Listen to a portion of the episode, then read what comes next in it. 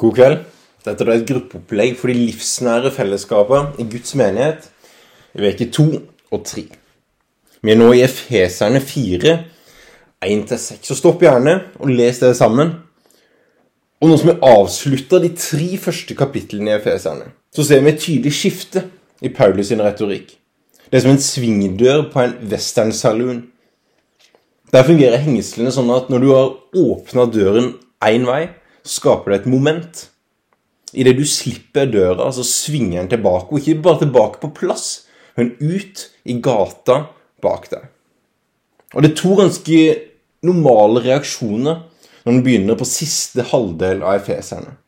Noen synes at det er deilig at Paulus endelig blir praktisk. Ok, Nok høytsvevende tanker, nok ord. Nå kommer praksisen. Og Paulus holder ikke igjen på noen ting. Han går inn i detaljer. Detaljer på hvordan du skal leve. Han snakker om arbeidsmoral, han prater om ekteskap. Han prater om barneoppdragelse, han prater om roller, lyving og sinne. Og for noen så skaper det her rammene de trenger for trygghet. Mens for andre av oss så får den en liten sånn avsmak, egentlig. Og så begynner vi heller å lese noe annet, for det er lett å få en følelse av at Paulus går altfor langt. Og har med en liten sånn anarkist i oss, så misliker vi overstyring og sånn helikopterforeldre som kontrollerer detaljer av det vi skal gjøre. Og det er ikke uvanlig at i mer liberale kretser så avfeier en alt det Paulus her sier, med at det her er kulturelt utdatert. Du må se konteksten, og det her gjelder ikke oss. Vi er tross alt i 2022. Men jeg tror at Paulus hadde avfeid det siste argumentet her med en skuffelse over at vi har ikke fatta poenget. Å følge Jesus er ikke en sånn 'Å, nå må du ta deg sammen'. Nei, det er en sånn svingdør. Jo mer moment du har den ene veien inn mot Jesus, inn i Efeserne 1-3, inn i hvem du egentlig er i Kristus, jo større moment får du ut i gata bak deg, ut i hverdagslivet. Det blir ikke en konsekvens å ha skjerpa seg, men et resultat av en ny identitet. Det er ikke sånn at du ikke lyger med å skjerpe deg mer. Nei, nei. Du begynner først å identifisere deg som en ærlig type. Og så minner du deg sjøl på det hver gang du må be om tilgivelse for å ha bomma på det målet. Og det er lettere å komme deg på trening hvis du ser på deg sjøl som en sporty type, enn hvis du ser på deg sjøl som lat. Det er et moment fra hvem du er i Gud, som skaper kraft til å leve dette nye livet.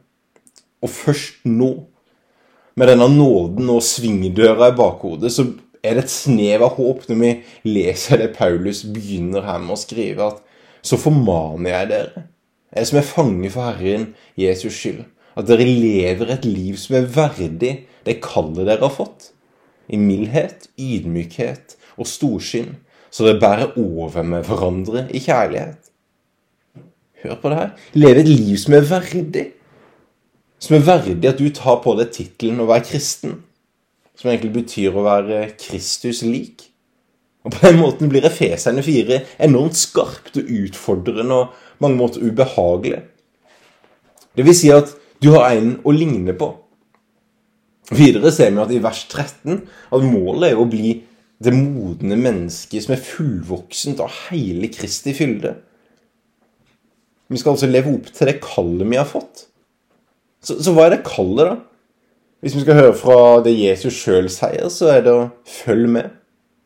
I 1. Johannes kapittel 6 så står det at den som sier 'jeg er i ham', må leve slik Jesus levde.